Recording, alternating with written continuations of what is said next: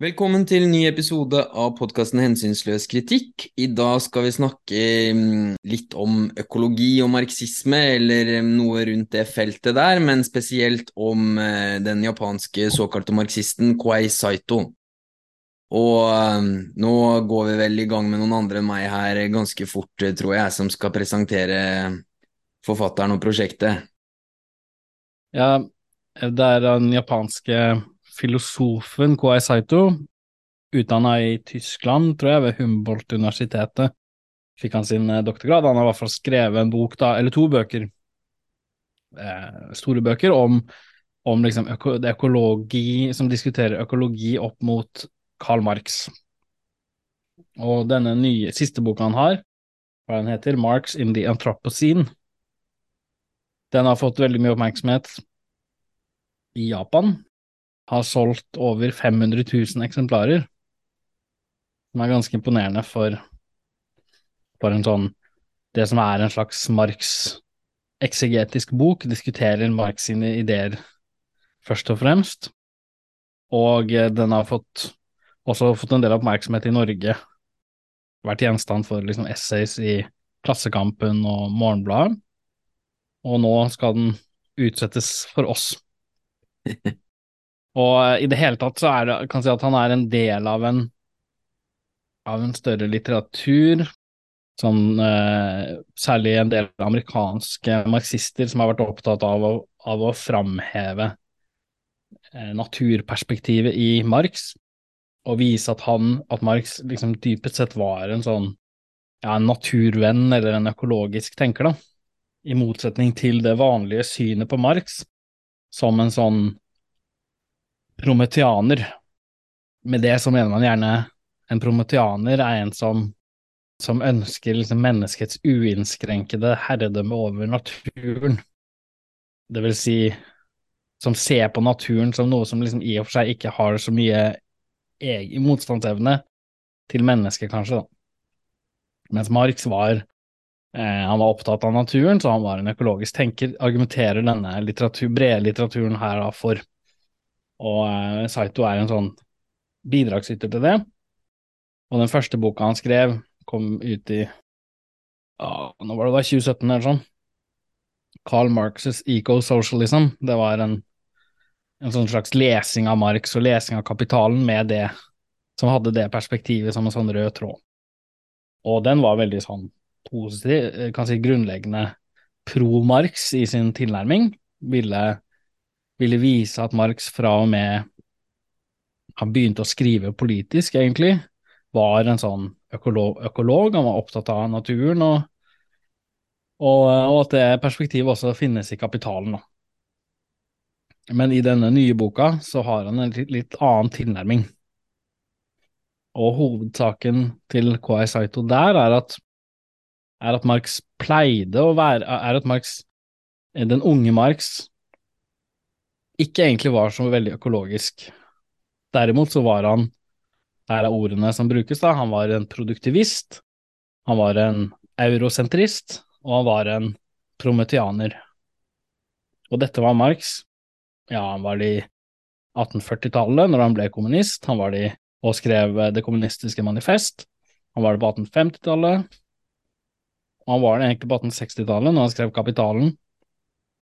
Og så begynte han å tvile på det, mot slutten av sitt liv, utover 1870-tallet, og rett før han døde, han dør vel i 1883, så skriver han i 1882-1883 et par tekster hvor han liksom kommer til løsningen på det han har liksom ikke forstått hele sitt liv. Så endelig, liksom helt på tampen, før han dør, i det året han dør omtrent, så innser han alle sine ungdoms... Eh, hvor feil han tok da i sin ungdom, og tar et oppgjør med denne eh, tendensen og blir en sånn natur, virkelig naturvenn.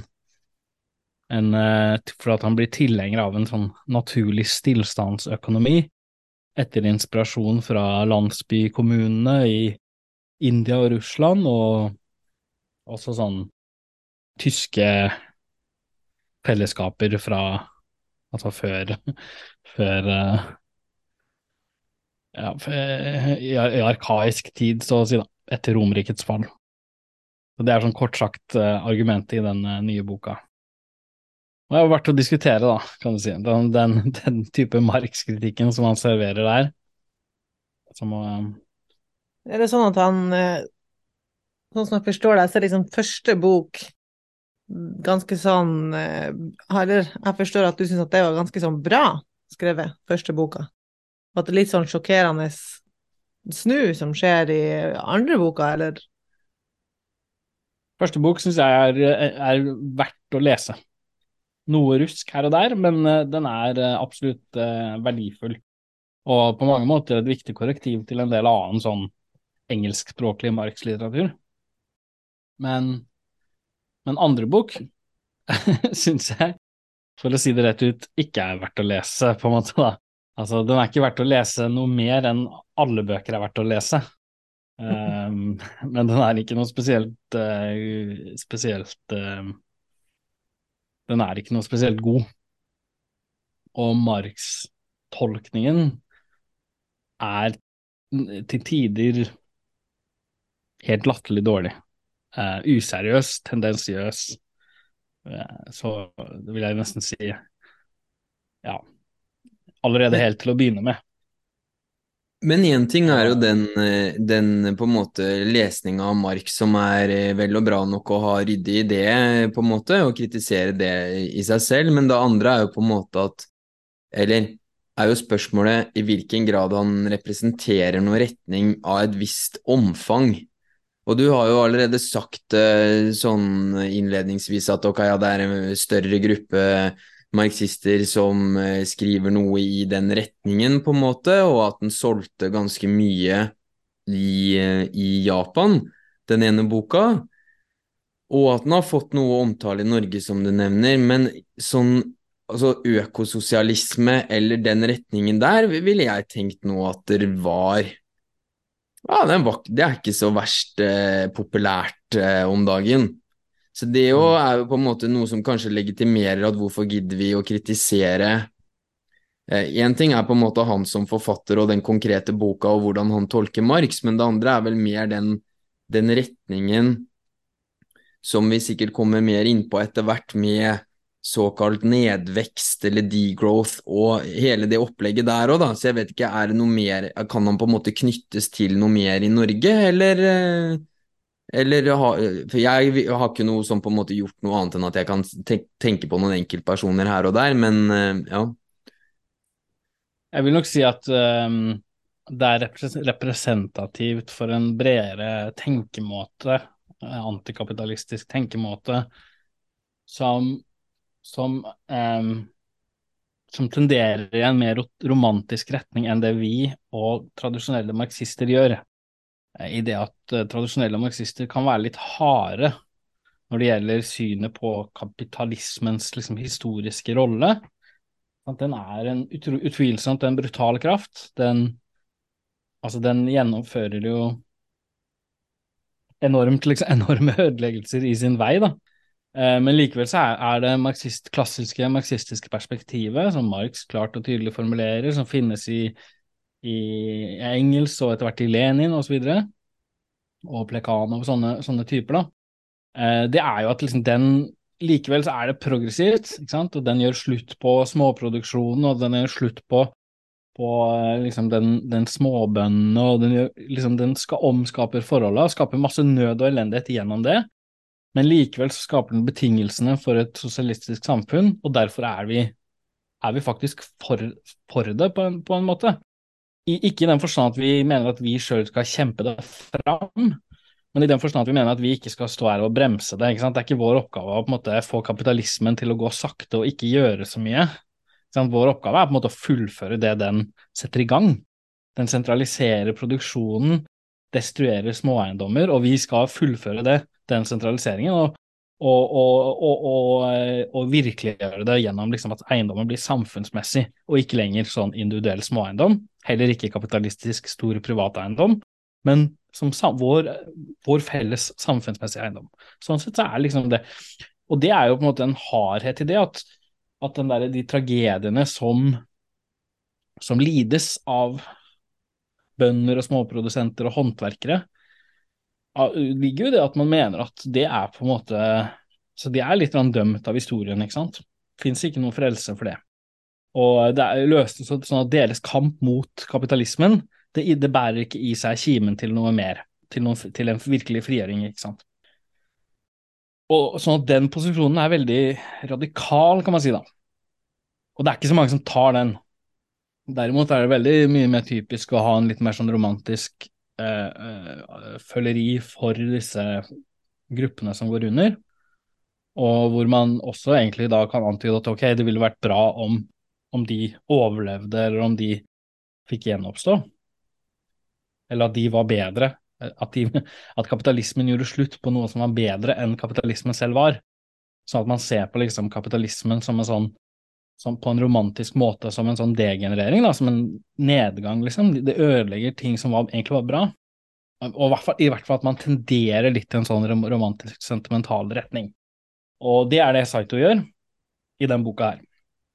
Helt klart. Og han er veldig liksom anklager Marx veldig fordi at han har det synet som jeg har beskrevet. og og, og så, så, så, mener han at å, Marx på, helt på slutten av sitt liv så slutter han å mene disse tingene. Så, det, så tar han til fornuften. Sånn, at, sånn sett så vil jeg si at det, den, det er på en måte en Marx-lesing som er veldig bekvem for alle disse som, som har, sånn, har, den intuisjonen. da. Og da kan de på en måte Da kan Marx bli litt deres også. Du snakker om bok nummer to når du sier det? Ja, det er det. Det er hovedsakelig den vi diskuterer. Ja. ja. Mm. Det er bok Saitos bok to, ja. Hvor som er kritisk til Marx, da. Mm. At um, sånn sett så kan man ta utgangspunkt Saito kan være et utgangspunkt for å diskutere den altså romantiske synet på kapitalismen, da. Ja. Ja, og hva som er og, eh, alternativet der. Mm. Ja. Og det er også, apropos hvis man tar historisk, så er jo det her en, den store diskusjonen mellom den, jeg vil si den klareste forgjengeren til Kwais Hauto, den argumentasjonen hans, er jo eh, narodnikerne, de russiske narodnikerne, som, som, diskuterte med marxistene. Altså, det var en diskusjon i Russland eh, på slutt, begynnelsen av 1900-tallet mellom altså, og før det, på slutten av 1800-tallet, mellom narodnikere og marxister når det gjaldt hva som måtte skje med Russland. Måtte Russland gå gjennom en kapitalistisk utvikling, eller var det sånn at uh, den, en kapitalistisk utvikling bare ville ødelegge for måte, Russlands spesielle fordeler og uh, særegenheter? Og marxistene mente, var for liksom, en kapitalistisk utvikling. Narodnikerne mente at det var altså Da ville man bare ødelegge den naturvennlige økonomien som Russland var. For at den hadde et grunnlag i landsbykommunen. Sånn at det jo være en tragedie. Og det er på en måte det som er uh, Saitos poeng, da. Altså han argumenterer mm. på en sånn Tar liksom helt klart stilling for den narodniker-synet i den debatten, i motsetning til ja, sånn som Plekanov og det var mange deltakere i den debatten. Og Lenin har skrevet en av sine bøker som et innspill i den debatten. Og, jeg, og det er på en måte, hvis man leser det, de innleggene, så kan du si at det er på en måte langt på vei Du kan lese det som en diskusjon av posisjonen til KI Saito, da. Men jeg må innrømme at jeg syns det var litt vanskelig å forstå den der romantiske oppfatninga av kapitalismen. Kan du forklare det på en annen måte? Ja, um, så det jeg mener er og at du ser altså kapitalismen Tendensen til å se på kapitalismen kapitalismens utvikling som en rent sånn tragisk negativ utvikling som ødelegger og forpurrer oss som mennesker, som ødelegger vårt forhold til jorda, og som, som bare som at, at, man ser det bare som en sånn destruktiv ødeleggelsesprosess. Mm. Mens Lenin for eksempel da, sier i denne polemikken sin mot uh, narodnikerne altså det er det er bare det er, en, det, er, det er noe sentimentalt fjas at eh, som er typisk for narodnikerne, at kapitalismen bare ødelegger. Det eneste kapitalismen egentlig ødelegger, er middelalderforeningene, det middelalderske samfunnssystemet. Derimot så skaper den nye forbindelser mellom mennesker, nye og tettere forbindelser. Det er det kapitalismen skaper, og det har de ikke blikk for. Det forstår de ikke, disse narodnikerne ikke noe av. De forstår bare kapitalisme som en negativ kraft, og ikke som, også som en positiv kraft som skaper nye forbindelser mellom mennesker. Og at disse nye forbindelsene inneholder kimen til enda nyere forbindelser, altså til sosialistiske forbindelser, ikke sant. Ja. Sånn at de har en sånn at kapitalismen har en historisk eksistensberettigelse, da. Og, og det han Saito mener, det er at Marx eh, At han på en måte Før mente han at kapitalismen var progressiv, men nå mener han at nei, det gjorde han ikke. Eh, det gjør han ikke lenger. Det er på en måte det som skjer. Ja, det er argumentet til Saito er noe er sånt out. Ja. på en måte, Hvis man kondenserer det veldig, så er det at Marx ja, hele livet sitt fra 1844 til, til liksom 1883, så mener han disse tinga. Han er en historiedeterminist som men, og en produktivist, bla, bla, bla. Eh, og han mener at kapitalismen er progressiv. Han bryr seg ikke om naturen, men så, ikke sant, så vikler han seg inn i en krise, og så helt før han, liksom, sekundet før han dør, så skriver han et manuskript hvor han opphever alt det han tidligere har sagt og ment.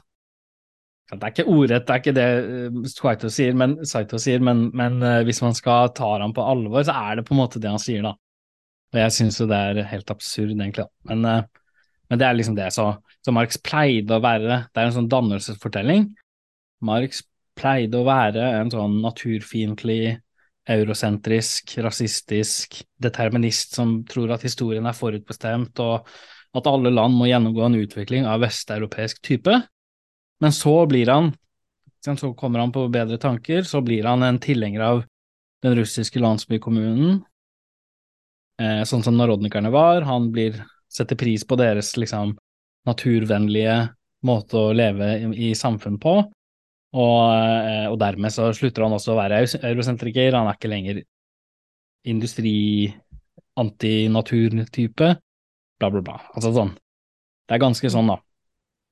Men hadde ikke jeg forstått at han i den første boka, der han snakka om det her med økologi, eh, på en måte liksom beskrev jo ikke Marx som sånn naturfiendtlig der, var ikke han mer sånn heller tvert imot at han satte på en måte pris på det økologiske perspektivet som Marx brakte med seg inn i måte histori historien når han analyserte det? Var ikke han Ja. Det? Jo. Ja, så det er helt klart, de to bøkene er uforenlige med hverandre. Selv om. Saito selv ikke innrømmer det. Han på en måte later som at de er forenlige, og han framstiller som at poenget hans er at Marx, ja, i Kapitalen var han en økososialist, og, boka, og første tittelen til, til første boka til Saito heter liksom økososialisme, men så innser Marx at det ikke var nok, og så blir han sånn nedvekstkommunist, da, som er tittelen på den nyeste boka. Nedvekstkommunist, jeg du må forklare. En kommunist som ikke ønsker økonomisk vekst, og som, som ikke ser på industrien som noe positivt, men som ønsker en naturvennlig stillstandsøkonomi. En stillestående økonomi. Altså Ja. og det Jeg vil vel Kan vel Altså vi, ut, vi utroper en dusør her og nå. Finn oss det sitatet hvor Marx eh, går inn for noe, noe som kan kalles en stillstandsøkonomi, for det har jeg virkelig aldri sett noe tegn til, altså. Eh, dere, dere skal få rikelig med, med drikkevarer og alt dere vil. Eh, kom her nord. Hvis dere klarer å rote fram det sitatet. Saito leverer det ikke, det er ikke overbevisende i det hele tatt, men han påstår i hvert fall det. Altså at Marx blir liksom tilhenger av en, sånn, en stillestående økonomi. At, og modellen er da sånne arkaiske samfunn, landsbykommuner, de asiatiske kommunene. For de sto liksom stille, mer eller mindre, i tusen år, ikke sant. Altså eh, skjedde ikke så mye med klassestrukturene, med de teknologiske forholdene, på en måte. Og det, var, det er jo fantastisk, da. Sant? Det er det vi trenger for å leve i samsvar med naturen, blir på en måte budskapet til Saito, da. Dessuten så har han en veldig sånn den der negative synet på kapitalistisk industri, som han ser på bare som en sånn Han ser på det bare som en ødeleggelse, og prøver å lese Marx for å begrunne det synet. Den lesinga er helt uh, forkvakla, men, men uh, liksom at ja, den kapitalistiske industrien, det handler jo du, Den utvikler jo produksjonen bare for å gjøre profitt, så den liksom ødelegger oss og bla, bla, for å få det til, da. Mens hvis du leser Marx, så er han jo mye mer tvetydig. Og det er liksom den industrien skjer på den måten som Saito beskriver, men den inneholder også kimen til noe annet, det er på en måte sånn som Marx argumenterer. Eh, så det er noe helt mye mer sofistikert, egentlig, da. Men, eh, men Saito er liksom veldig sånn ensidig pessimistisk. Og, hvis, og, og han konkluderer skriver liksom rett ut at så alt den industrien som kapitalismen bygger, den må vi destruere. Den må raseres, ikke sant. Den må bare rives. For det er ikke forenlig med et sosialistisk samfunn argumentasjonen til Marx altså den er ikke sånn i det hele tatt. Da, for at Marx mener at liksom, den kapitalen på tross av seg selv, den nye, det, det, innebærer, kan brukes på andre måter enn, en til kapitalistisk bruk. Men Saito han vikler seg inn i en sånn floke at det er nesten en sånn Man får lyst til å nevne sånn Røde Khmer år null, år null-tankegangen til Røde Khmer og sånn i Kambodsja. Sånn, nå begynner vi helt på scratch. Vi sk skraper ut hele den fortidige historien og nå begynner vi, ikke sant. Nå kan mennesket endelig begynne på begynne en sunn vei, ikke sant. Eh, sånn at den liksom, revolusjonen kommer ikke lenger som en, som en sånn slags videreføring av det fortidige samfunnet, men, et, men, bare som et sånt totalt brudd med det. Og hvis man skal snakke om liksom totalitært, så jeg er faktisk villig til å begynne å bruke det her, da, sånn år null-tankegang, altså, for mm. det er ganske sånn voldsomme saker, egentlig.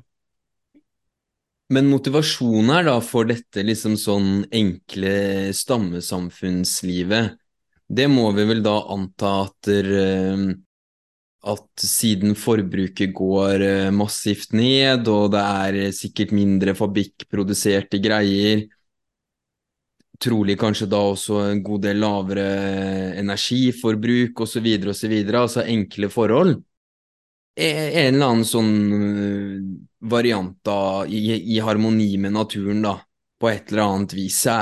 Så, sånn sett så er det jo sikkert mer populært utafor utafor marxistiske sirkler òg, den, den, tankegangen der om at okay, hvis vi bare hadde levd litt enklere i små flokker, et eller annet, så hadde vi sluppet både naturødeleggelser og CO2-utslippet hadde blitt redusert og det ene med det andre. Og istedenfor å kjøpt nye bukser, så hadde vi sittet og sydd og, og, holdt på. Det er vel noe på en måte som er en slags visjon. Altså jeg så en, I tillegg til den, der, den bok to som vi snakker om nå, så så jeg en sånn YouTube-intervjuet han hadde, og da virka det for meg som at han egentlig hadde ganske store ambisjoner om ting som kunne gjøres også innafor kapitalismen, at han trengte egentlig ikke heller å gå tilbake til det nedvekstgreiene, men det var veldig sånn ja, vi trenger mer gjenbruk og sykling, eller altså, jeg husker ikke om det var det, men ja, mer sånn enkle tiltak for å være snillere mot naturen. At, det, at motivasjonen er ikke egentlig så veldig mye mer avansert enn det, kanskje? Det virker jo til syvende og sist sånn som det. ikke sant? Sånn, og han sier jo også sånn noen ganger sånn ja, det er jo fordeler med byliv, bylivet, og det er jo ikke bare ille og sånn, men det er jo, det, ikke, det, jo, det blir jo bare løse utsagn. Det ja. som han teoretisk utvikler, er jo det der at kapitalistisk industri, det er jo bare negativt. Det er veldig viktig for han. Men så er det sånne sidebemerkninger her og der som går i forskjellige retninger. Eh, men, men hovedsaken er liksom det ikke synet, at kapitalismen var liksom unødvendig, på en måte. Og, og negativt også i den forstand at det er negativt fordi det ødelegger naturen. At naturen ja. er på en måte målestokken som gjør at det vurderes negativt. Det er på en måte mm. ikke det at ja. Eller i hvert fall ikke så vidt jeg har klart å oppfatte at det er ikke nødvendigvis arbeidsforholda som først forverra for å potensielt sett mm. kunne bli forbedra, eller den type ting, men at naturødeleggelsene som skjer ved industrialisering og utvikling av kapitalismen, det er det det måles opp mot. Eller er jeg helt på sida da?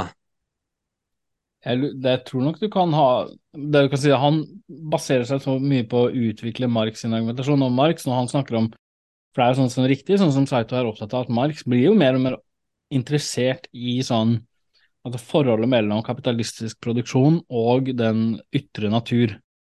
Og sånn som det var masse litteratur på Marx' tid om om kritisk litteratur til jordbruksdrift, og som, som, uh, som, advarte mot som forestående jordutmattelse av jordsmonn, og som Marx liksom leste og oppfatta som en sånn rasjonell vitenskapelig kritikk av måten jordbrukere ble drevet i kapitalistiske land.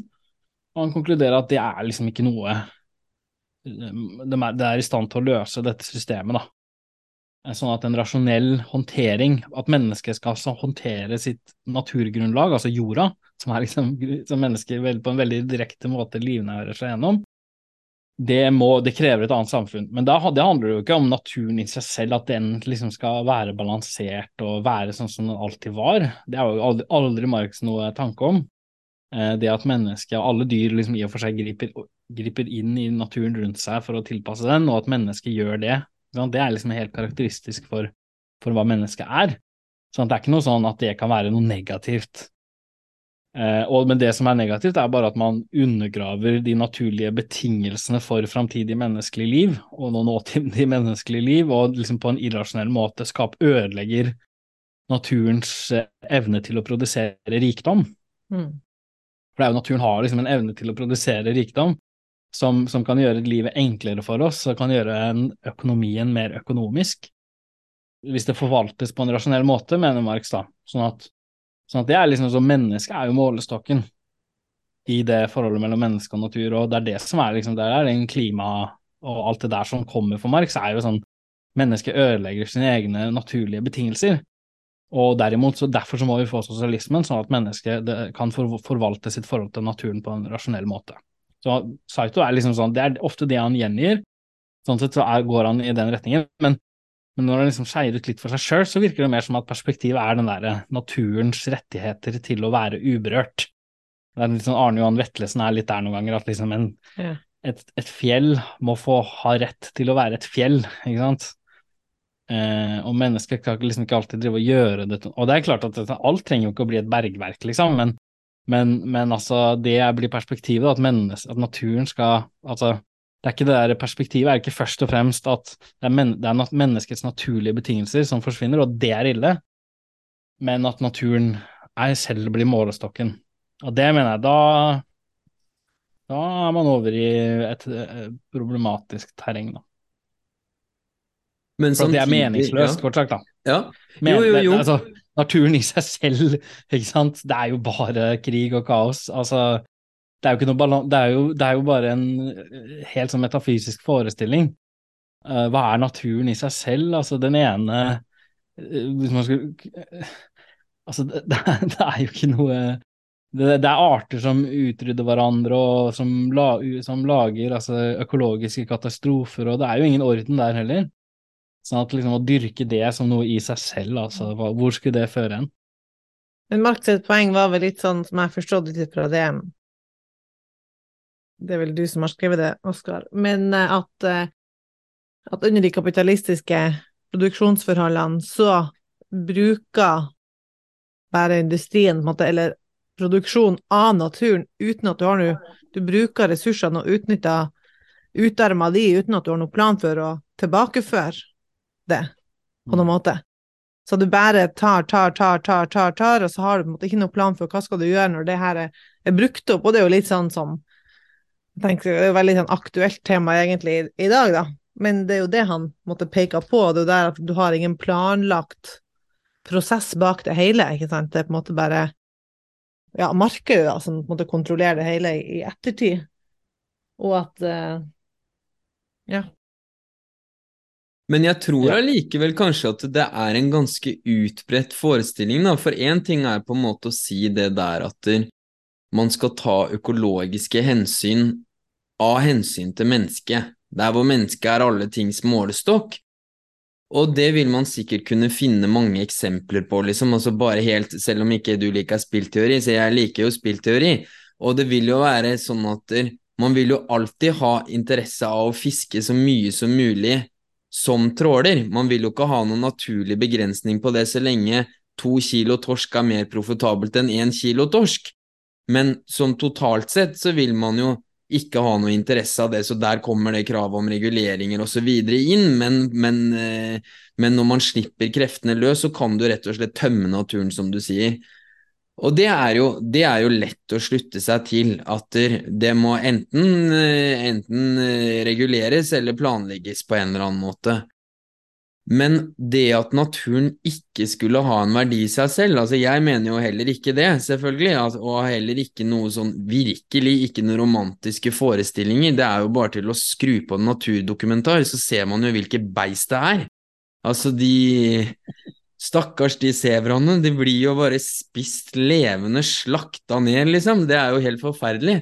Men jeg tror allikevel at det er en ganske utbredt oppfatning, uten at det her er noen sånn grundig vitenskapelig avgjørelse, om at, der, at nesten jorda eller naturen eller et eller annet hadde hatt det bedre uten menneskene.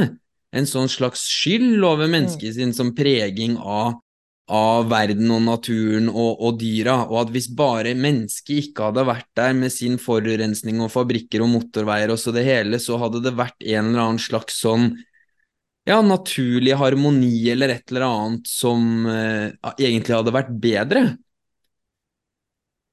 Mm. Uten at på en måte det, ja, at det, Selv om man legger fram det synet, så er jo ikke det et argument imot det, men, jeg, men det tror jeg faktisk sitter i ganske mye. En sånn, nesten, en sånn, eh, nesten en sånn skyldfølelse for eksistensen.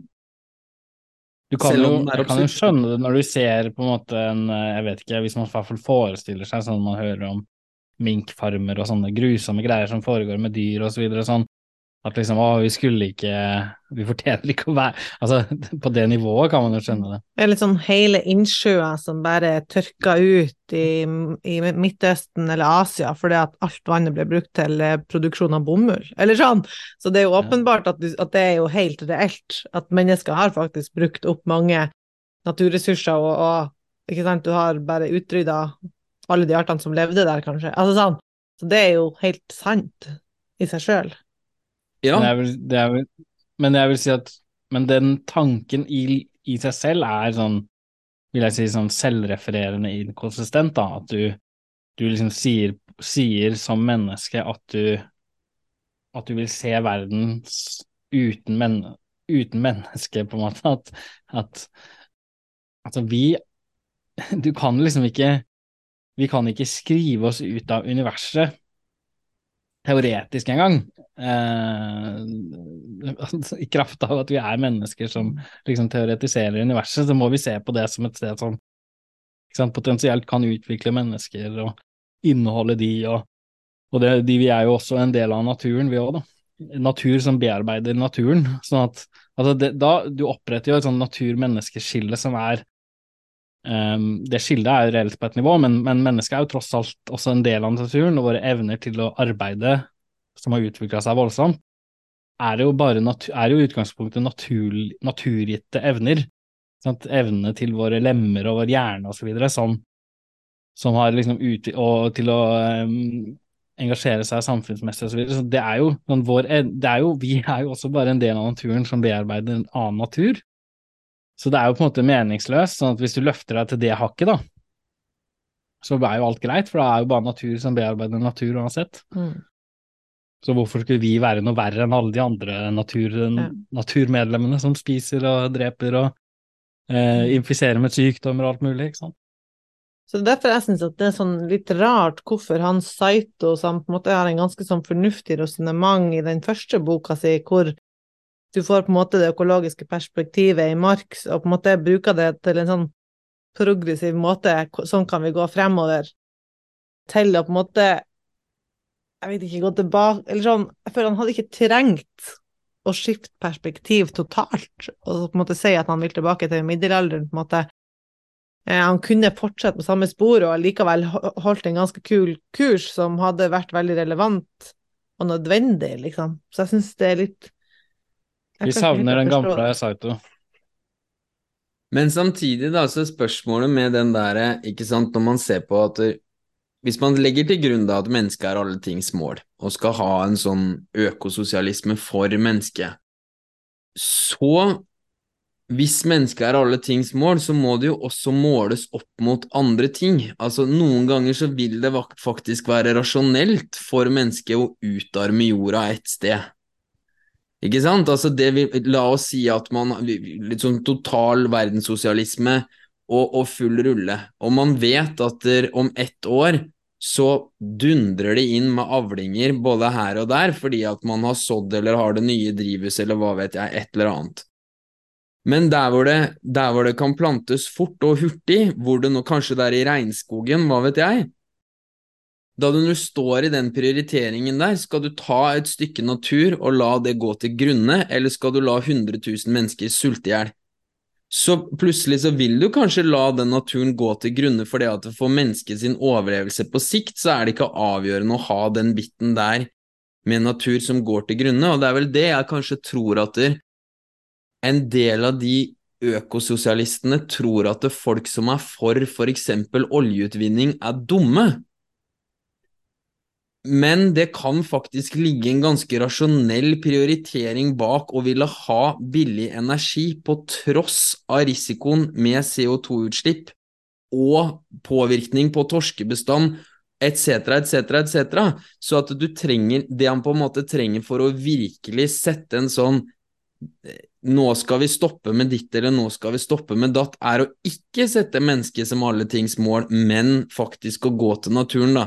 Eller det ville i hvert fall være igjen et forsøk på psykologisering, så det er ikke bra, men jeg skjønner på en måte at den, den, teori, den teoretiseringa med utgangspunktet mennesket er alle tings mål, den tar deg bare så langt. Og da støter du på en god del problemer, men eh, ja, vi kan, nå har fått fram eh, hva jeg mener. Det vil jo være motsetning til altså, uh, profitt som alle tings mål, da. Sånn som Mark sier at etter meg kommer syndefloden, er slagordet til enhver kapitalist og enhver kapitalistnasjon. Après moi, le deluge. Après moi, le, deluge. Uh, Binærende kapitalen. Uh, og da apropos både utmatting av jordsmonn og utarming av arbeiderklassen, som liksom kapitalistene i en historisk periode var i ferd med å utslette helt. Nettopp ja. fordi ikke sant? Det, evnen til å ta langsiktige vurderinger er, ligger ikke innbakt i systemet. Og, jeg er helt for mennesket som alle tings mål, jeg altså. Men jeg er jo også ganske positiv til oljeutvinning innimellom òg, så det er jo det som er ja. poenget. At ja. men, uh, men, det, men den ut, oljeutvinningens rasjonalitet må jo da knyttes til ja. Ja, ja akkurat. Menneskelig behov. Jeg vil si en sosialistisk økonomi blant andre muligheten for å gjøre vurderinger av sånne skadevirkninger til sant, det å utvinne maksimalt olje på kortest mulig tidsrom vil ikke være en Altså, det er jo et spørsmål om liv og død for enhver kapitalistnasjon. Ikke sant? Mm. Rasjonell handlemåte i den, under de betingelsene, men Helt enig, det ligger helt andre vurderinger til grunn for, eh, for utvinning av naturressurser i en sosialistisk økonomi. Det er jeg helt enig i. Ja, og det er derfor at det blir litt sånn falskt å diskutere det ut ifra dagens vurderinger. For at det som vi sier, altså det er åpenbart hvorfor Norge ikke vil slutte med leiting etter olje og gass. på en måte. Nå, ja. Ja. Ja, ja, ja. ja. Så jeg bare tenker at det er jo det at, at det kan ikke sammenlignes de vurderingene du ville gjort eh, når det gjøres i dag, og hvis det ville blitt gjort eh, i et sosialistisk samfunn. Nei, selv om det har jo et visst slektskap i den forstand at det er åtte milliarder mennesker på jorda som skal ha en viss mengde energi hvis vi ikke skal ha en sånn tilbakevending til et enklere liv. Ideelt sett, ikke sant, i en sånn det stikk mm. motsatte synet, så er jo ikke eh, grunnen til at man eventuelt skal ende opp som minimalist, det er jo ikke fordi at man skal drive med en sånn selvdisiplin og ikke eh, ikke handle, men man stopper seg selv og bla, bla, bla, for man klarer å motstå presset. Det, grunnen til at man en, eventuelt ender opp som minimalist, er jo at overfloden av goder er så stor at det gir ikke mening å drive og sanke forskjellige gjenstander i hjemmet sitt. For det vil jo ikke gi noe status. Og da, det, i et sånt overflodssamfunn som jeg ideelt sett ser for meg, så krever det jo fortsatt en god mengde energibruk, selv om den sikkert kan gjøres smartere og på andre måter og det ene med det andre, men, eh, men mm. det er jo likheten på en måte mellom det nåværende samfunnet og et planøkonomisk samfunn. At skal vi ikke tilbake til et enklere liv, og folk ikke skal drive og daue som fluer? På en måte prioriteringene, da. altså det, det, eksister, det er vel kanskje det jeg vil fram til. Det vil også eksistere prioriteringer i et planøkonomisk samfunn. Ja, ja. Okay. ja. Men eh, skal vi gå Absolutt, litt videre, ja. kanskje? Ja. Um, ja, jeg eh, Det er jo også den um, Kan kommentere og den, eh, for den er jo ikke helt uvanlig heller, den uh, type Marx-lesingen som Anko Saito har når det gjelder sånn så Marx er en historisk materialist, mener at det er måten mennesket produserer sitt livsunderhold på, som liksom bestemmer deres samfunnstype og, og deres historiske utvikling. Eh, måten, det, måten, samfunnet utvikler seg over tid. Det er sånn noenlunde den eh, materialistiske historieoppfatningen, eller historiske materialismen, til Marx og Engels. Og, og Saitos eh, liksom, store poeng er jo at den er en sånn det er en produktivistisk teori, det er en eurosentrisk teori, den er bla, bla, bla. Um, og deterministisk, da, ikke minst. Fordi du har, denne, du har en slags rekkefølge av historiske samfunnsformasjoner, sånn som Tanken er at okay, du går fra et sånn primitivt fellesskap til slavesamfunn, til føydale samfunn, til kapitalistiske samfunn, til kommunistiske samfunn. Og den utviklingsrekkefølga er liksom gitt og, og, nødvendig. Det er sånn som vi da får, ha, har fått eh, framlagt. Og det er jo ikke bare Saito som, som liksom har den framstillinga, men men det er jo sånn, ok, så da er det en historiesyn som er veldig deterministisk for veien fra A, det primitive samfunnet, til Å, kapitalismen da, og kommunismen, ikke minst. Den er liksom lagt gitt på forhånd, den, den, den virker med jernhard nødvendighet, og menneskene har ikke noen innflytelse på historiens gang og sånne ting. Og den, det synet på Marx er jo verdt å diskutere, vil jeg si, for det er nokså utbredt. og jeg kom bare på i farta sånn eh, når Audun Lysbakken måtte ta et oppgjør med sin egen marxisme så, for, for, å bli, komme inn i regjeringa, som han snart nok gikk ut av. Så måtte han jo si jeg tar et oppgjør med min egen marxisme. Jeg, jeg, jeg kalte meg marxist, men det gjør jeg ikke lenger.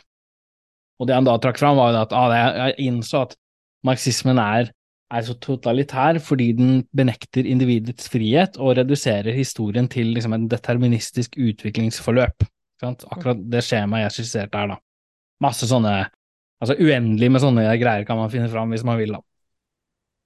Men poenget er bare at det, altså, det er jo så, Men det kan være greit å bare gi det liksom dødsstøt eh, veldig kort og enkelt.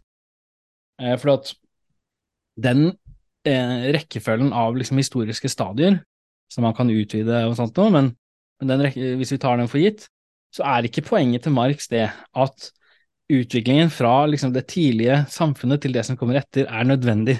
Sånn, utviklingen fra det primitive til slaveriet, til føydalisme, til kapitalisme, til kommunismen. Poenget til Marx er ikke at det er nødvendig. Poenget er at, at det er nødvendig for det samfunnet som kommer etter, at det hadde eh, det som kom før. sånn at kapitalismen oppstår på grunnlag av føydale samfunnsstrukturer. Og du kan ikke forstå kapitalismen med mindre du forstår dens basis i den eh, middelaldertypen, da i det føydale samfunnet. Det er masse ting der som blir skapt, og som utvikler seg, som gjør det mulig for kapitalismen å oppstå. Sånn at det, for Forbindelsen mellom de to samfunnstypene er nødvendig, men det er en slags retrospektiv nødvendighet. ikke sant? Det er ikke det at det er ikke det at du kunne vite at ok, hvis et samfunn er føydalt, så vil det 100 sikkert utvikle seg til kapitalistisk. Det vil være deterministisk og teleologisk og irrasjonelt, men, men poenget er det omvendt. At, at liksom du kan vite at hvis du har et kapitalistisk samfunn, i første omgang, da, som uttok seg tidlig kapitalistisk samfunn, et eller annet sånt noe, så har det en basis i det samfunnet som kom før. Da har det gått gjennom den føydale, for det er en betingelse. På samme måte som med kommunismen, at liksom, hvis du har det, et sånt samfunn, ja, da må det ha gått gjennom på en eller annen måte en slags sånn kapitalistisk utvikling, for det er der grunnlaget for den samfunnstypen blir lagt. Og Det er liksom den teorien Marx eh, er inne på. Og så blir det forstått som en sånn historiefilosofi som liksom har en sånn spekulativ modell for hvordan hele verdenshistorien skal forløpe seg på som en sånn tvangsmessig prosess, som selvfølgelig er helt absurd.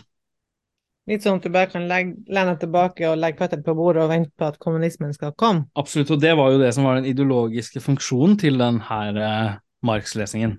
I, I Sovjetunionens kommunistiske parti, for eksempel, og, og i andre eh, marxistiske partier, i, så var det jo det at, at um, Altså at nettopp fordi historien, historien, er en sånn Da i denne modellen blir en sånn selvgående prosess, den utspiller seg litt bak menneskenes rygg, og, og det ene samfunnstypen følger etter den andre, ikke sant? veldig sånn deterministisk skjema, så trenger ikke marxistpartiet å gjøre noe veldig aktivt for å, for å, for å opprette det, sørge for at det nye samfunnet kommer. Det kommer jo, det ligger bare i, i tingenes uh, natur, det må bare spille seg ut. Og Derfor var det sånn vanlig sånn stalinistisk uh, talemåte at altså, om tusen år, liksom, da bare vent, så kommer det. Sånn at det hadde en nyttig ideologisk funksjon, og, og, og Saito er sånn ukritisk så tilegner seg den, den der eh, ekstremt vulgære tolkningen, da. Det er ikke lov. Nei. Jeg synes det bare er så rart. for jeg tenker bare sånn, Når man ser på samfunnet og hvordan det utvikler seg, så må det jo være åpenbart litt, Nei, selvfølgelig. Det er jo åpenbart at det ikke skjer. Det var det jeg mener. Hva da ikke skjer? Nei, at det ikke funka å legge føttene på bordet og bare slappe av, liksom. For da hadde jo alt vært løst, og det går jo helt i motsatt retning. Men det er vel det som er deres poeng. Og du kan si når Sovjetunionen oppstod, hadde oppstått, og uh, Stalin seiret, og industrialiseringen herja osv., så, videre, så er det sånn ok, da klarte de å gi det et slags skinn av, uh, av gyldighet, da. Men etter, etter Sovjetunionens sammenbrudd så ble det litt vanskelig å akseptere det skjemaet. Men de mener at Marx mente det? Ja, altså type eh, Det er veldig mange som, som, forstår Marx på den måten, mm. men eh, jeg vil si at en seriøs eh, lesing eh, utelukker det, da. At uh, analysen, poenget hans er mye mer beskjedent, men mye mer interessant. Sant? Det handler om hvordan mm ulike samfunnstyper betinger hverandre, skaper betingelser for hverandre. Det er vel bare sånn i analytisk filosofi det skillet mellom nødvendige og tilstrekkelige betingelser. Altså, du kan mm. si det at føydalsamfunnet er en nødvendig eh, betingelse for at kapitalismen skal oppstå, men det er ikke en tilstrekkelig betingelse for at det skal oppstå. Men en ting som Over til å ha han igjen på, altså videre på den biten der, at det er den, den, eurosentrismen hans man kan jo si, altså, Eller at han kritiserer Marx for det, det er jo mye man kan, eh, kan snakke rundt det om. Men de det jeg har lurt litt på, hvis man skal bort fra en sånn universell på en måte, eh, universelt skjema for menneskelig frigjøring, da, som det på en måte er, altså at kommunismen er på en måte et sånn eh, En universell frigjøring som egentlig vel kanskje ikke er altså den er stedsbunden i eksemplene, men, men, ikke på en måte som et sånt ideal. Men jeg fikk ikke helt grep om disse sånn stillestående samfunnene som var i pakt med naturen. Skal det være individuelle variasjoner rundt omkring der? At på den ene siden så skal det være stammesamfunn som er i, i, en asiatisk tradisjon, og så skal det være stammesamfunn i pakt med naturen i en latinamerikansk tradisjon. For da igjen for meg så framstår det jo litt som at det er Da kan man jo ha særegne maktrelasjoner og særegne hierarkier, og sær, altså at det egentlig ikke blir blir noe klasseløst samfunn å snakke om, egentlig. Da. At det eneste bare er at det de har til felles, er at uh, naturen klarer å, å, reprodusere seg på samme måte på et eller annet vis, liksom. At økosystemet er, forblir intakt. Men, men hvis man ikke går for en eller annen universell modell der hvor målet er alle menneskers frigjøring og et klasseløst samfunn, men skal ha en rekke individuelle variasjoner på akkurat det punktet, så skjønner jeg ikke hvordan man kommer til noe klasseløst samfunn i det hele tatt. Mm. Og det er jo, vil jo være Det er jo sånn Marx sitt poeng òg, at det er, det er jo en slags universalitet i det, selv om selv om det er det skillet mellom nødvendig og tilstrekkelig, så, så mener han jo at liksom, kapitalismen er en betingelse for kommunismen. Sånn at, og det er for alle samfunn. Eh, men, men, det betyr ikke at liksom, alle samfunn må gå gjennom den samme typen kapitalistisk utvikling. Eh, det et land har gjort, det har det gjort for menneskeheten. eller et eller annet sånt. Når tysk filosofi har liksom utvikla filosofi for hele menneskeheten. Franskmennene har utvikla politikk for hele menneskeheten. og og, eh, og så videre, og Vest-Europa har liksom utvikla kapitalistiske strukturer og gjort det for menneskeheten, sånn at resten av verden kan tilegne seg de eh, de viktigste elementene i de strukturene, uten å måtte gå gjennom en utvikling av akkurat samme type, sier Marx da i 1845 allerede, som er sånn noenlunde det samme som man sier mot slutten av livet, som Saito henger seg opp i. Sånn at jeg vil si hele det greiene kan man avvise med det, men så poenget blir at ok, så, er en, så da er det jo en sånn Det er en universalitet. Alle må tilegne seg det samme, på en måte, for å komme, for å komme videre. Og man kan ikke bare hvile Man kan liksom ikke bare eh, basere seg på det SV kaller sånne særegne folke, mm. folkesjel og tradi nasjonale tradisjoner, på en måte. Det, det er den derre eh, det felles elementet, da. Ja, for mens jeg leste han og så tenkte sånn, på sånn, sånn motpol til det, så selv om vi liksom ikke skal være forkjemperne for frihandel, at det kan frihandelsfolka gjøre for sin egen del, så begynner jeg jo virkelig å tenke mer og mer at det å fjerne toll og frihandel er det som på en måte er forutsetningen for å kunne skape allierte over hele verden. For at det vil igjen skape på en måte en arbeiderklasse som har løsrevet seg fra, mm. fra hva det nå enn måtte være av, av særegenheter. da.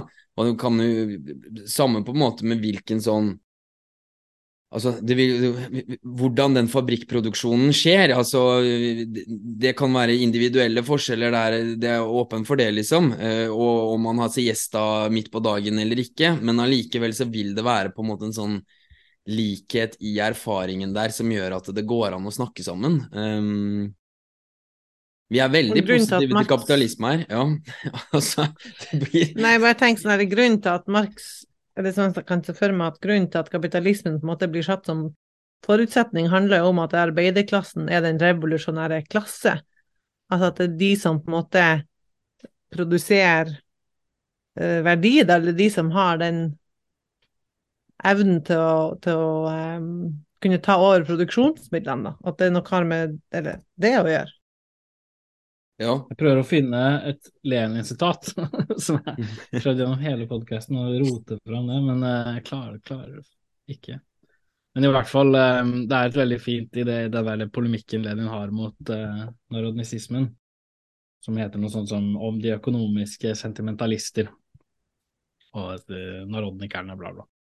Eh, blant annet. Det er flere bøker, egentlig, men, men i hvert fall så der skriver Lenin noe sånt som at altså narodnikerne sier at uh, argumenterer som om det å anerkjenne kapitalismens progressive sider innebærer at du toner ned eller nedvurderer dens liksom, destruktive og ødeleggende sider. Tvert imot ikke. ikke sant? Man må anerkjenne, man må liksom framheve begge deler. Både de progressive bidragene til det kapitalistiske samfunnet, til kapitalen, og dens enorme liksom, barbari, ødeleggelser, brutalitet. Du må, og Marx er jo, det er jo hele tida det du ser i Marx. Altså, det er aldri mm. noe at i kapitalen at han holder tilbake for å påpeke barbariet. Ikke sant? Det kommer veldig klart fram. Men så kommer det også, ikke sant? etter det barbariet er blitt skildra, kommer det en passasjer som du nesten kan undre deg over. Ikke sant? Hvor du sier Altså Kapitalismen er av historisk verdi bare for så vidt som man bare bryr seg om merverdi. Altså, Man liksom sier at det her er på en måte historisk sett eh, greit, da. Altså, på et eller annet nivå. Eh, sånn at, det er liksom nesten sånn som Lenin i Nei, mener Hegel i historiefilosofien. ikke sant? At det er sånne store katastrofer er liksom bare krusninger på i verdensåndens realisering. Eh, det er litt sånne passasjer, og, men, men, poenget er at men du er liksom Men han er likevel ikke toner aldri ned eh, den brutaliteten. Og det er sånn Lenin understreker, at det er sånn, du, du, du, du, kan gjøre, nettopp gjøre begge deler. Det ligger i, i marxismens natur. Det er derimot narodnisismen som toner ned ikke sant? barbariet i den gamle landsbyfellesskapet, som toner ned de patriarkalske strukturene, som toner ned den liksom elendige Eh, de elendige klasseforholdene som fantes der, og så videre, og som, og som bare glatter over og romantiserer alle sånne ting. Ja. Mm. Noe sånt, da. Eh, det syns jeg er liksom veldig, et veldig godt poeng, at man, det er det som er, eh, er, greia. At man Vi kan påpeke alle de tinga, gi, gi til djevelen det som tilhører djevelen. Og nettopp derfor kan vi også sant, beskrive sånne førkapitalistiske samfunn uten å ha noen illusjoner om dem heller. Mm. For det sier jo seg sjøl òg, hvis du skal lage sånn romantisert økosamfunn på bygda i Japan eller Sør-Amerika eller på fjellet i Norge. Det høres jo veldig fint ut, men det er jo åpenbart at det fort kan skje liksom skjetne ting der, da, på en måte, eller sånn ting som ikke er helt bra, eller liksom, du får en eller annen lederskikkelse, og jeg tenker sånn det, det, er jo ikke åpenbart at det kommer til å gjøre at folk føler seg frigjort, på en måte, og i en sånn kollektiv ånd. Det er ikke noe sikkert. Det er bare tilgang på medisin, liksom. Altså, du ser jo på en måte hvor mange ting man trenger i menneskelivet for å ikke bare være underlagt uh, naturens vilkårlighet. Enten det kommer igjennom sykdom i ens egen kropp, eller lynnedslag, eller flom, eller hva det nå enn måtte være for noe. Altså det å kunne ha et mm. sånn noenlunde forutsigbart menneskeliv der man kan sitte og lese filosofi og slutte å bekymre seg for å få ting i huet eller bli spist av en bjørn, det mm. forutsetter jo liksom et visst et visst nivå, da. Eh, ja. Mm. ja. ikke sant? Og det å kunne altså ikke bare drive med jordbruk, måte, men drive med forskjellige sant? biokjemi og Altså teoretisk fysikk og praktisk fysikk, alt mulig sånne, alle mulige sånne universaliteten av forskjellige vitenskapelige emner du kan eh, berike deg i, og praktiske handlingsfelt osv., det forutsetter jo en utvikling Absolutt. som ikke finnes i et agrarisk stillstandssamfunn. Da. Absolutt. Og hvis man skulle håpe... blitt liksom enda litt mer soft òg, selv om uh, det, det, ligger en hardhet i den biten her òg, så er det jo også sånn at jeg vil jo selv om man har lagt til grunn at mennesket er alle tings mål, og man vil på en måte ha en utvikling i, i retning av på en måte økende samarbeid og, og mer teknologi osv., så, videre, og så, videre, så ligger det jo i det nåværende samfunnet også en sånn der at ja, vi spiser kjøtt fordi at det er en billig kilde til protein, men allikevel at man blir tvunget til å på en måte ikke gå for mye inn i det dyrevelferdsgreiet, ikke bare for dyr... Altså, Dyrene i seg selv er noe så, men man må allikevel på en måte for sin egen del helst se bort ifra den bestialiteten når man spiser kjøttet fordi at det er dårlig for mm. appetitten å tenke på trangbodde høner. Mm. Så det er jo på en måte også i et sånn frigjort samfunn der hvor på en måte man kan tillate seg at menneskelige behov blir tilfredsstilt på mye høyere nivå. Det er vel et eller annet sånn kantiansk poeng, at det gjør noe med mennesket å jobbe som slakter. Eh, så det her er bare for å på en måte ikke avvise den, den hva skal vi si for noe, den, den delen av, av, av, marxistene som har de sympatiene, da, at du kan jo også gjennom en høyteknologisk marxisme fortsatt på en måte ta disse hensynene her som framstår som humane, eller eh, hensyn til dyra, eller ditt eller datt, nettopp av mm. det hensynet. At du skal slippe å på en måte se bort ifra eh, hvordan, dyra bor, eller hvordan dyra du spiser, egentlig bor. Og kanskje blir mange vegetarianere fordi at eh, kostholdet de kan få er på en måte fullgodt eh, kjøtt, hva vet jeg, men eh, ja. Altså, så fort, hvis, hvis man skulle tillate seg spekulasjonen av et samfunn hvor man klarer å produsere kjøtt, laboratorieprodusert, masseprodusert kjøtt, ikke sant, som kunstig kjøtt, så er jeg, er jeg helt sikker på at altså Umiddelbart så vil det å slakte dyr, altså industrielt dyrehold, vil framstå som en sånn brutal, barbarisk praksis som mm. tilhører fortida. Altså, ja, ja. Ikke, liksom, på samme måte som slaveri og sånne ting, som både i og for seg kunne være inneholde et progressivt element i sin periode, de òg, da. Altså, det er jo sånn historie er. Ja. Eh, sånn at eh, det må være helt villig til å gi alle dyrevernere at, ikke sant, i et historisk perspektiv så er det godt mulig at det vil framstå helt men på en måte også naturen som altså Ikke nødvendigvis med en sånn der uberørt naturen for seg selv, men i hvert fall som tur- og rekreasjonsområde, så er det jo også klart at et samfunn på høyt nivå har ikke sant, veldresserte parker og store grøntområder og, og, fine stier de kan gå i naturen, og her kan det fiskes og det ene med det andre. Eller, altså, det er vel også noe som man på en måte kan se i et det er det vi ser for oss i et høyt utvikla samfunn der hvor mennesket skal få tilfredsstilt alle sine behov, så mm. eksisterer det også en stor grad av natur, på en måte. Eller jeg vet ikke helt hvordan jeg skal si det, da, men jeg er jo på den, den siden som i utgangspunktet bare sånn gi meg metall og stål, altså, så det, jeg, men Jeg er jo helt imponert av at det her kommer ut av din munn. Jo, Men, jo, eh, jo, men, men, eh, men, eh, men jeg mener jo på en måte at det når man altså Det er jo også noe med det å ha en overflod av tilgang på goder. Eh, Er jo også og, det, og tilgang til naturen, altså naturopplevelser, Ja. Mm. må sam fasiliteres samfunnsmessig. Hvis ikke du skal ha den samme jævla naturopplevelsen hele livet, på en måte. Så Mm. du skal ha et allsidig tilfang av ulike, uh, uh, ulike deler av kloden, så må det organiseres og uh, fasiliteres av et samfunn. Ja. Eh, sånn at, som alt annet eh, i og for seg, da. Ja, ja, akkurat, akkurat. Mm.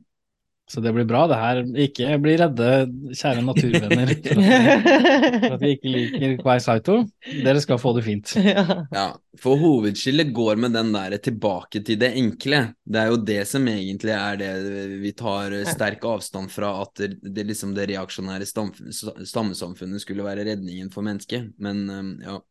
Ja. Ok, har vi flere poenger som eh, er verdt å nevne her? Jeg tror jeg er gjennom mine punkter, i hvert fall. Jeg har ingenting ytterligere. Nei. Nei, men da gir vi oss, da. Takk for oss.